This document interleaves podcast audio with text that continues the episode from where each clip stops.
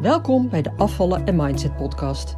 Mijn naam is Eleonore de Bouverre, leefstijlcoach, mindsetcoach en ervaringsdeskundige. In deze podcast leer je hoe je kunt afvallen zonder dieet met behulp van de juiste mindset door je onderbewustzijn te beïnvloeden, waarmee je je ideale gewicht gaat bereiken en behouden. Welkom bij de negende aflevering van de Afvallen en Mindset podcast over afvallen en vertrouwen in jezelf. De meeste van mijn klanten komen bij mij omdat ze al van alles geprobeerd hebben. Of dat zeg ik eigenlijk verkeerd. Ze komen bij mij omdat ze natuurlijk willen afvallen en op gewicht willen blijven. Vaak omdat ze al van alles geprobeerd hebben en daarin gigantisch zijn vastgelopen, gefrustreerd zijn geraakt hebben echt al van alles geprobeerd. Alle soorten diëten, adviezen, uh, professionals die ze hebben geraadpleegd. Neem het. Daardoor hebben ze ook enorm veel kennis. Ze weten precies wat ze moeten doen en wat niet.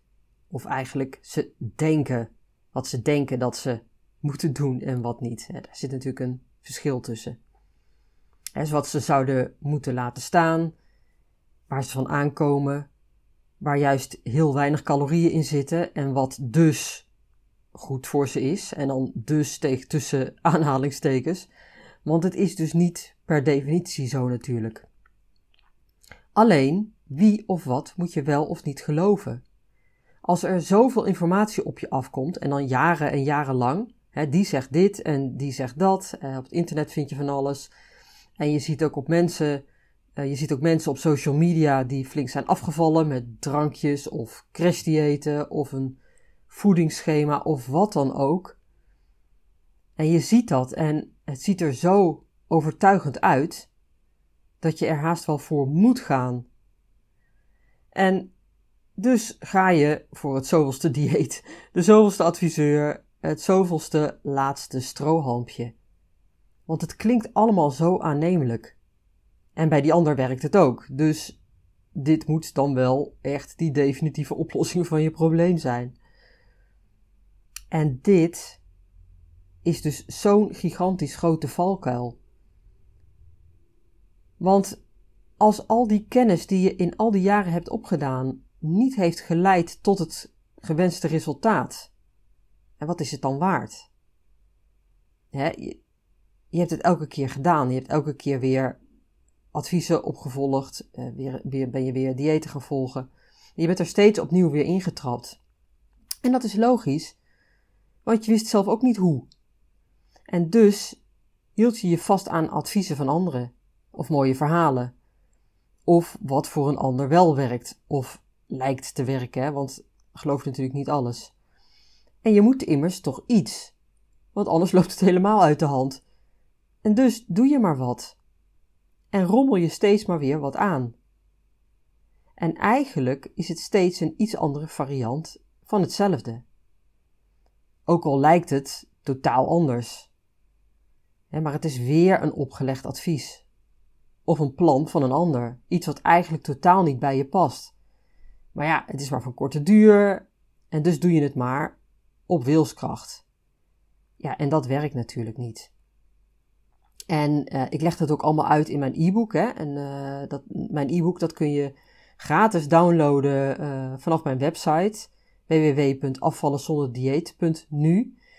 En daarin leg ik ook uit waarom een dieet niet werkt, wat de principes daarvan zijn en hoe dat in jouw brein werkt. En dat het dus ook ja, gewoon onzinnig is om op die manier te willen afvallen en ook nog eens te geloven dat je daarmee op gewicht kan blijven. Dat, dat is gewoon niet zo. Dit is een, een desillusie. Nou, als dit, hè, dat steeds maar weer proberen en steeds maar weer hetzelfde blijven doen, hè, ook al is het een beetje anders.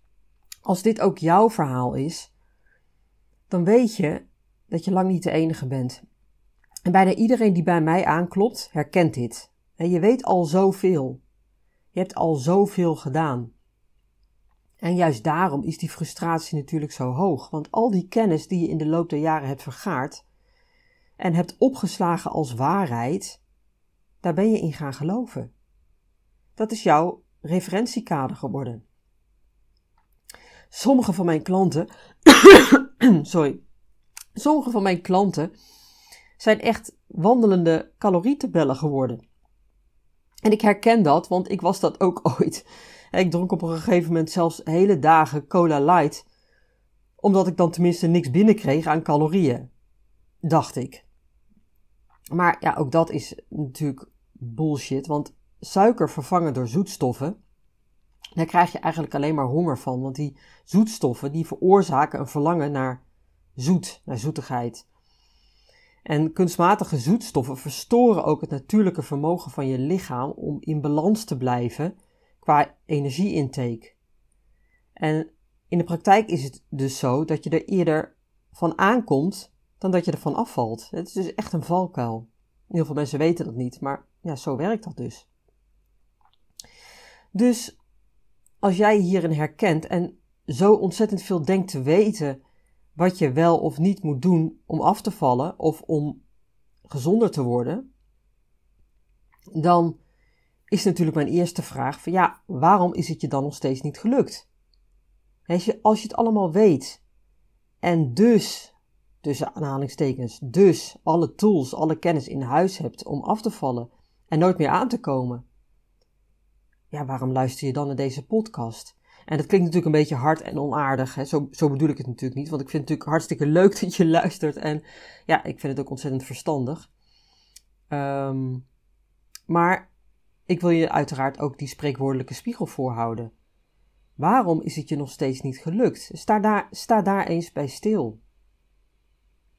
En ik stelde deze vraag afgelopen week ook aan een klant van mij, die net was begonnen in een individueel traject.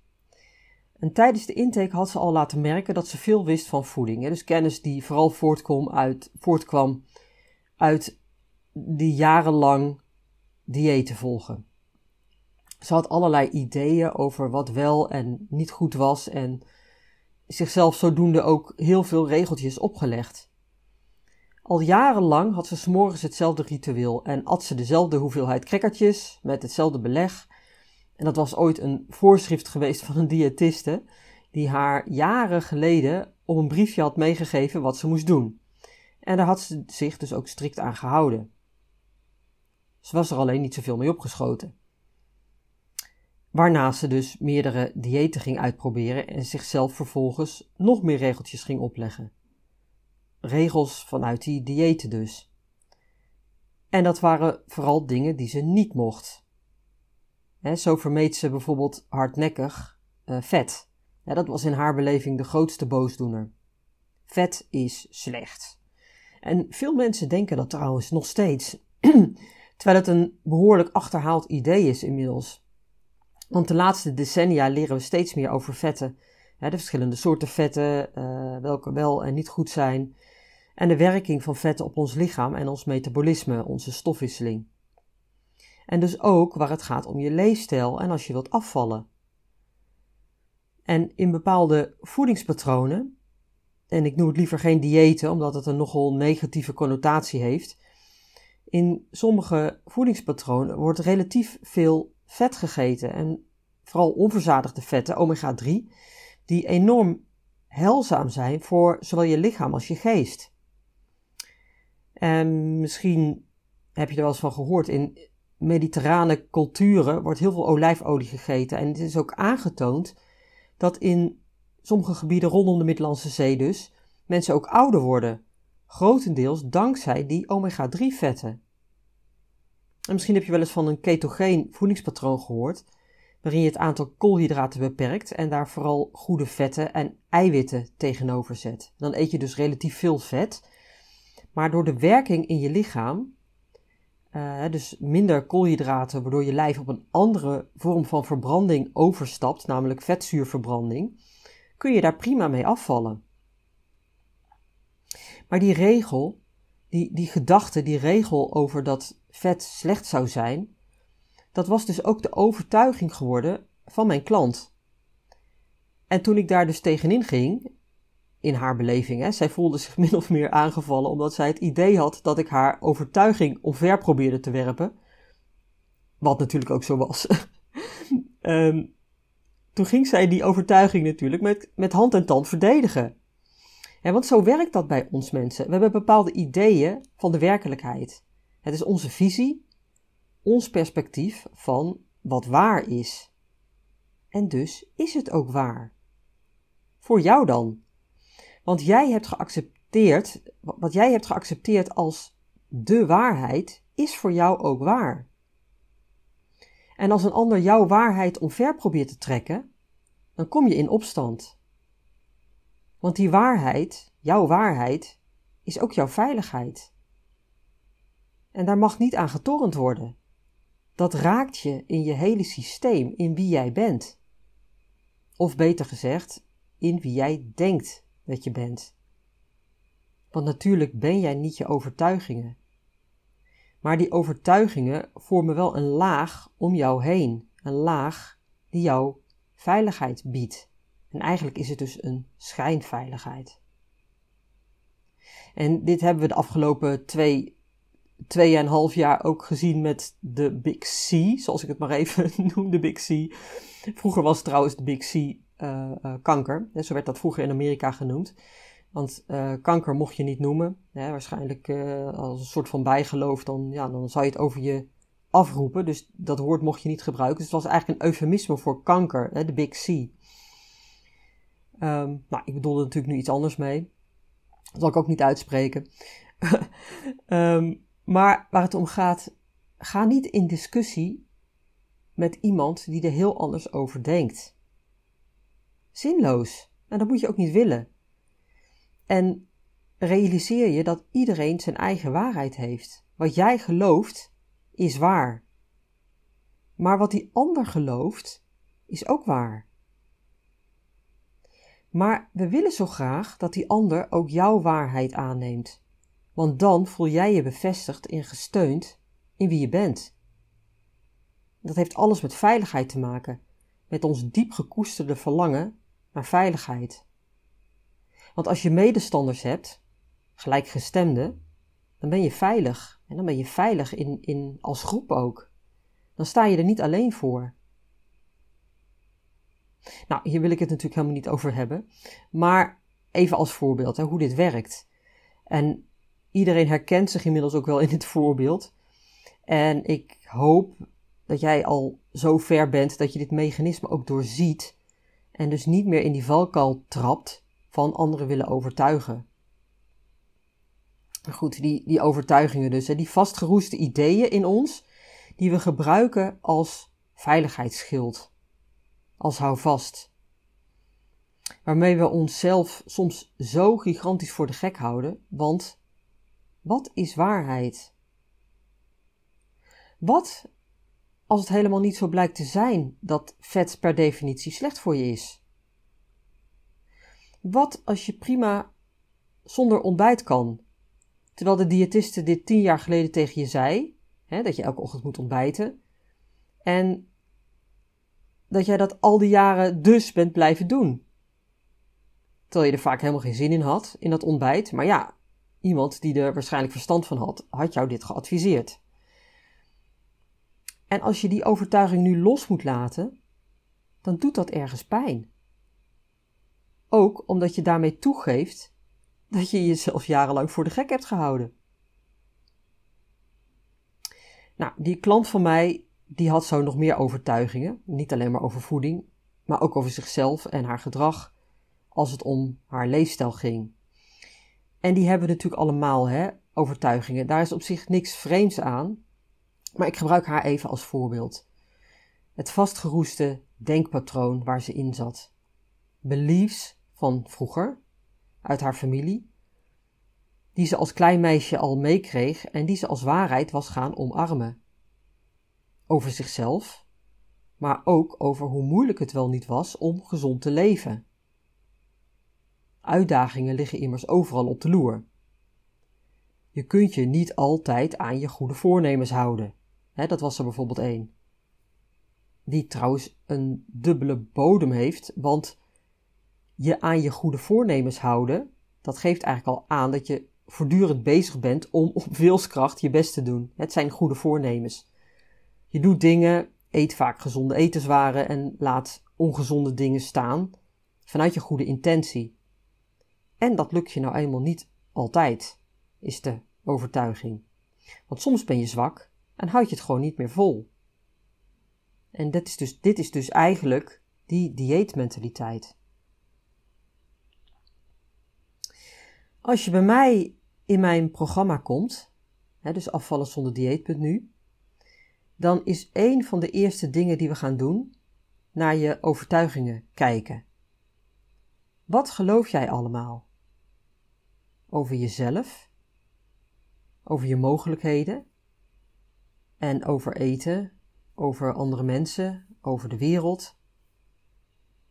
Het zijn allemaal waarheden, jouw eigen waarheden, die jou onbewust aansturen. Ze vormen de bril waarmee jij naar de werkelijkheid kijkt. En daarmee zijn ze ook jouw waarheid. Als jij erover, ervan overtuigd bent dat het uh, moeilijk is om af te vallen, dan is dat ook zo. En nu kun je natuurlijk zeggen: ja, maar dat is toch ook wel gebleken, want ik heb al zoveel gedaan en het is me steeds maar niet gelukt. Of in ieder geval niet om op gewicht te blijven, hè, want dan, nou ja, dan kwam je weer aan en dan was je weer terug bij af. Dan is dat ook jouw waarheid, want het is je ervaring. En die, en die ervaring heb je omarmd als de waarheid. Het lukte niet, dat was het bewijs. Maar als je dat steeds blijft benoemen en herhalen, en dat is dus de valkuil, dan blijf je ook altijd in die oude waarheid vastzitten. Het is moeilijk, want het lukt me steeds niet. En dat kan ik ook nog eens bewijzen. En wat je dan eigenlijk doet, is vast blijven zitten in het verleden. In de verleden tijd. En door die weer te herhalen, al is het maar in gedachten of ook door het zo uit te spreken, blijf je daarin hangen. Terwijl je eigenlijk iets heel anders wilt. Je wilt naar de toekomst toe. Naar, de, naar die, die stip op de horizon. Naar een slank en fitter lijf. Maar je blijft maar ronddraaien in dat visueuze cirkeltje. Of zoals ik het vaak noem, je blijft maar in die oude soep roeren. Je blijft doen wat je altijd deed. En dus blijf je ook krijgen wat je altijd kreeg. Meer van hetzelfde. Nu is dit echt een mindfuck en niet makkelijk om om te buigen, daar ben ik ook heel eerlijk in. Maar niet onmogelijk. Maar het is niet makkelijk, want ga maar eens bij jezelf na. We zijn geprogrammeerd om te geloven wat we zien, waar we bewijs voor hebben.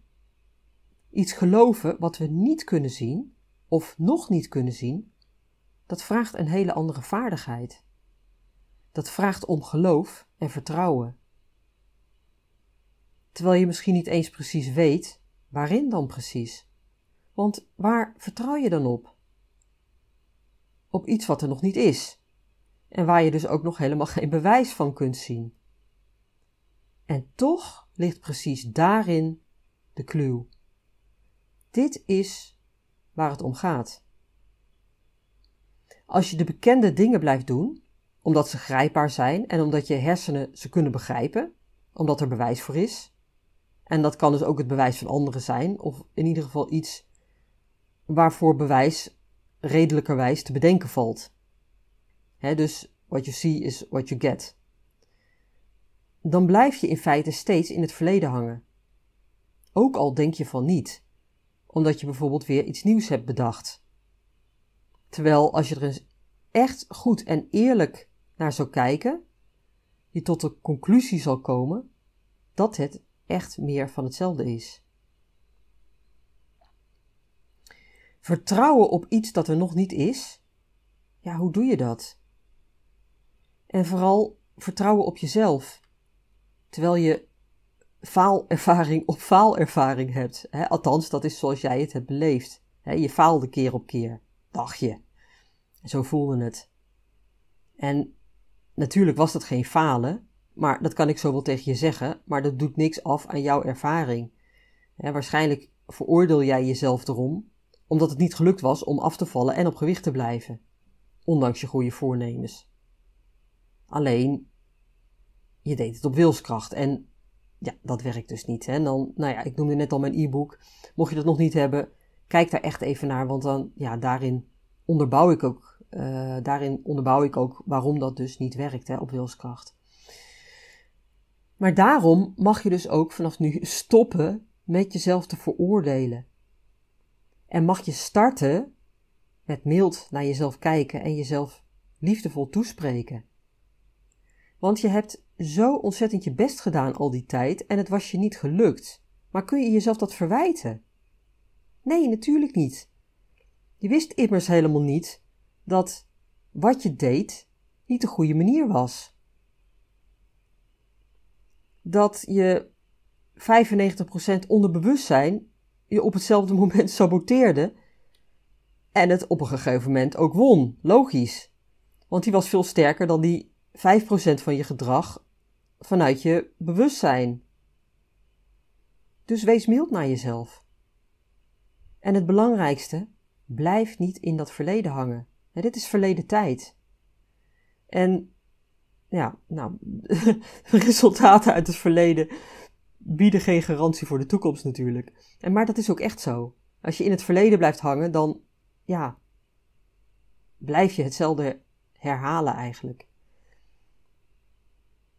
Maar ik raad je echt aan, ik zou je echt heel graag willen meenemen naar een heel ander perspectief. En ga dus naar de toekomst kijken. Ga naar die stip op de horizon. En ga in je verlangen zitten in plaats van in je ervaringen die gebaseerd zijn op vroeger. En probeer dat ook maar eens te voelen. Je kunt voelen dat die verlangens veel sterker zijn en een veel positievere, hogere energie hebben dan die negatieve gevoelens die voortkomen uit die ervaringen van vroeger. Dus wat kies je? De keuze lijkt me niet zo moeilijk dan. Mits je natuurlijk bereid bent om op een andere manier hiernaar te kijken en ermee om te gaan. En niet koppig vanuit je ratio vast wilt blijven houden aan dat waarvan jouw brein zegt dat het waar is, omdat dat nou eenmaal is wat het altijd gezien heeft. Het is een mindfuck, echt. Oké, dat vertrouwen in jezelf dus. In wie jij bent.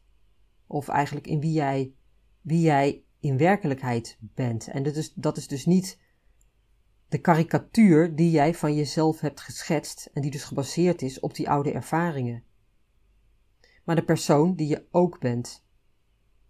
Die ongekende mogelijkheden in zich heeft. Die er voorheen niet uit konden komen, omdat je die zelf tegenhield. Je saboteerde jezelf. Omdat je steeds maar uitging van je ervaringen. Negatieve ervaringen, keer op keer. Zie je wel, ik kan het niet.